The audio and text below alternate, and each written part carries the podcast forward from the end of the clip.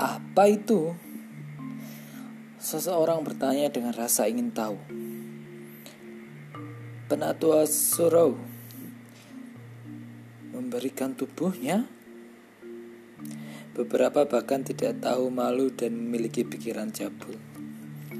Meskipun Surau adalah seorang penatua, dia baru berusia 20 tahun. Dibanding dengan barang-barang antik tua, dia jauh lebih santai. Karena itu, banyak orang tidak khawatir sama sekali ketika mereka berbicara seperti itu. Surau hanya tersenyum, menawan, menanggapi tebakan orang banyak. Dia mengangkat lima jari ramping lalu berkata, Five Saint Saint Spirit Grace. Apa? Lima Saint Spirit Grace? Aku tidak salah dengar kan? Hadiahnya adalah Science Spirit Grace dan lima. Dengan kata-kata itu, aula utama menjadi kacau dan semua orang tidak bisa tetap tenang. Spirit Grace sangat berharga dan bahkan keluarga Joe hanya bisa memberi setiap orang satu per tahun. Bagi orang awam, Spirit Grace adalah harta yang tak ternilai dan beberapa bahkan belum pernah melihat sebelumnya. Melihat bahwa sekolah Azur Dragon bisa mengeluarkan lima dari mereka itu adalah godaan besar bagi para murid pelataran luar. Tetapi bagi seorang, tapi sebagian besar orang, mereka hanya bisa bermimpi tentang hal itu. Karena mereka tahu bahwa mereka tidak memiliki kesempatan untuk mendapatkan rumput suci roh itu. Namun bagi para murid yang ingin menjadi yang pertama, mereka semua bersemangat untuk mencobanya, dan mereka menjadi lebih bersemangat. Surau mengangguk puas ketika melihat semangat para murid. Lalu dia melambaikan tangannya di belakangnya. Suara gemuruh datang. Gerbang yang di tingginya puluhan kaki perlahan terbuka. Apa yang kamu tunggu? Tidak ingin lulus ujian, Surau tersenyum dengan indah ketika ia melihat murid-murid yang menatap kosong.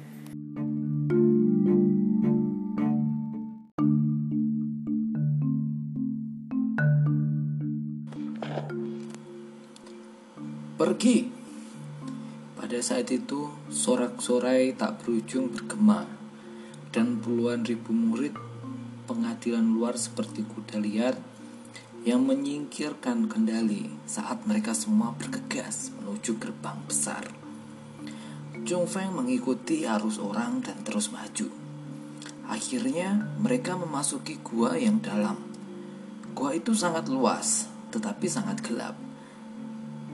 Bidang penglihatan sangat rendah dan orang-orang tahu bahaya perangkap yang dapat dipicu kapan saja. Pergi, untuk skill peringkat 4 untuk 5 Science Spirit Grass. Pergilah. Tetapi tentu saja ada beberapa orang yang peduli tentang uang dan tidak peduli dengan kehidupan mereka. Mereka tahu bahwa apa bahaya tetapi mereka tetap berjalan sendiri dan bahkan tidak melihat ke belakang. Bahkan ada beberapa orang yang seperti itu. Wos, wos, wos. Tetapi setelah berjalan 100 meter suara mendesis datang di depan dan jarum perak yang tak berujung ditembakkan dari dinding. Dan mereka menembakkan ke arah orang banyak seolah-olah hujan. Ah! Wah! Dalam sekejap semua jenis tangisan bergema. Para murid yang bergegas di depan tertangkap basah dan lebih dari setengah dari mereka jatuh. Bagaimanapun, orang masih terus maju dan mereka tidak memiliki jejak mundur. Mereka dengan gila berlari lebih dalam ke gua. Meskipun jarum perak itu kuat, itu tidak akan membunuh. Dan mereka tahu itu. Lagi pula itu hanya sebuah mekanisme dan bagi orang-orang di tingkat roh ketiga, mereka bisa menghindarinya selama mereka berhati-hati.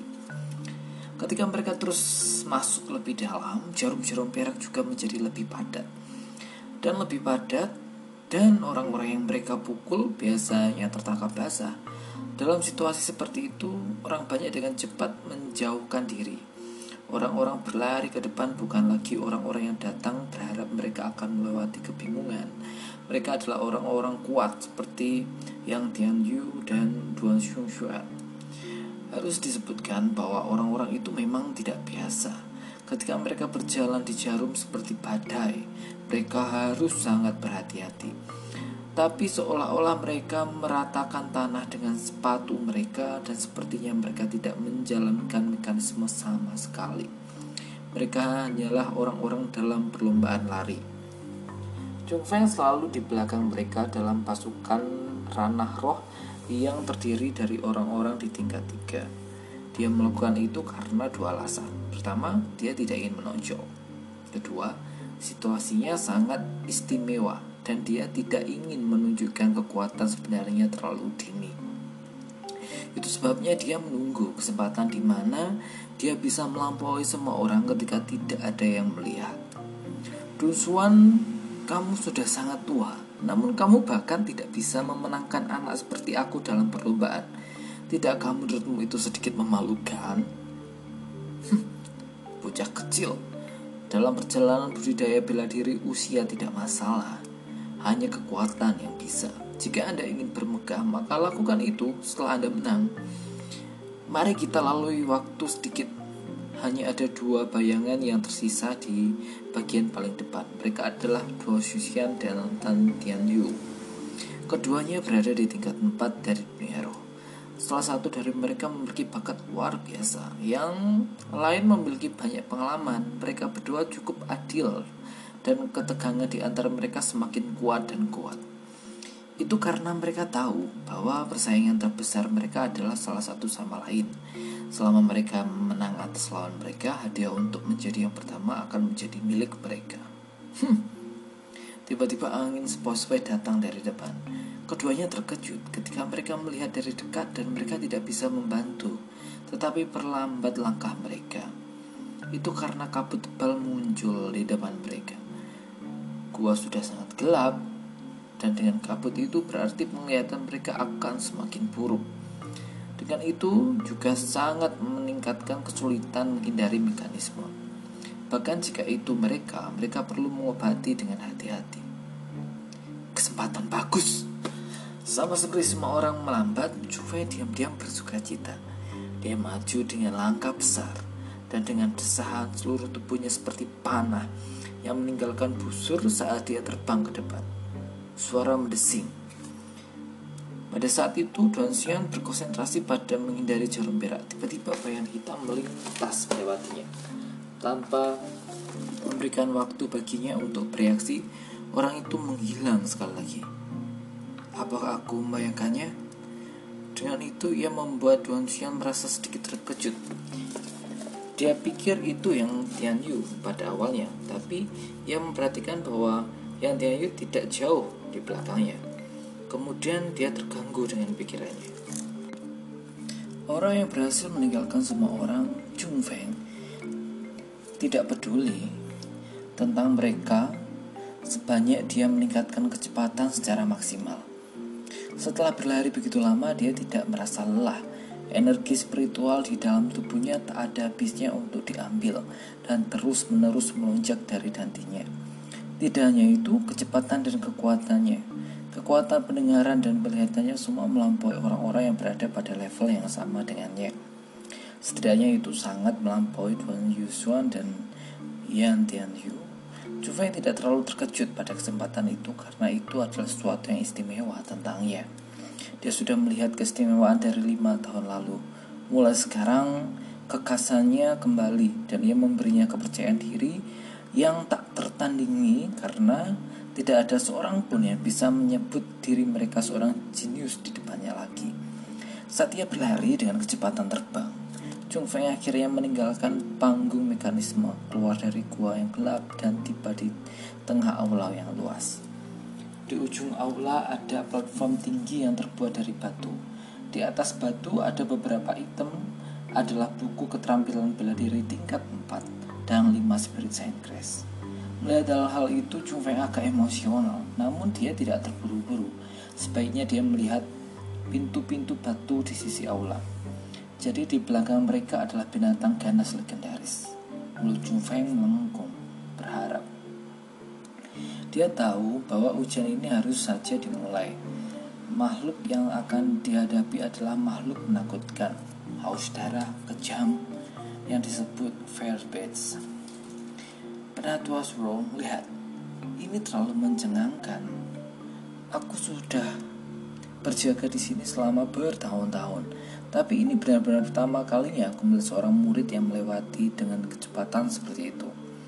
Di dalam ruang batu misterius di sana, di bawah tanah, seorang penata menatap batu berantakan dan keheranan memenuhi tatapannya. Itu bukan batu biasa, itu adalah mekanisme di dalam istana bawah tanah. Batu itu hanya berantakan sendiri setelah mekanisme dipicu. Melihat itu seluruh batu itu berantakan yang hanya berarti satu hal, seorang sudah melewati tahap mekanisme. Orang tercepat untuk menyelesaikan tahapan mekanisme membutuhkan waktu dua jam dari ujian sebelumnya. Namun ini baru satu jam berlalu. Perubahan ini menarik perhatian semua orang. Sekitar selusin penatua di ruang batu berkumpul dan mereka semua sangat terkejut. Sepertinya ada karakter yang menarik di dalam para murid pelataran tahun ini. Zuro juga berkumpul dan ketika dia melihat batu yang berantakan itu dia mengangguk puas.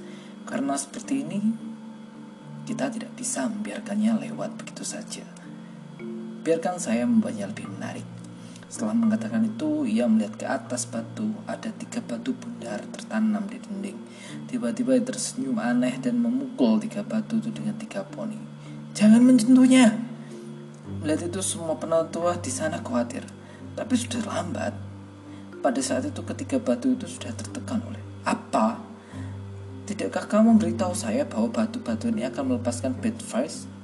Melihat para tetua panik, suruh juga merasa ada sesuatu yang salah ketika batu itu memang melepaskan phrase.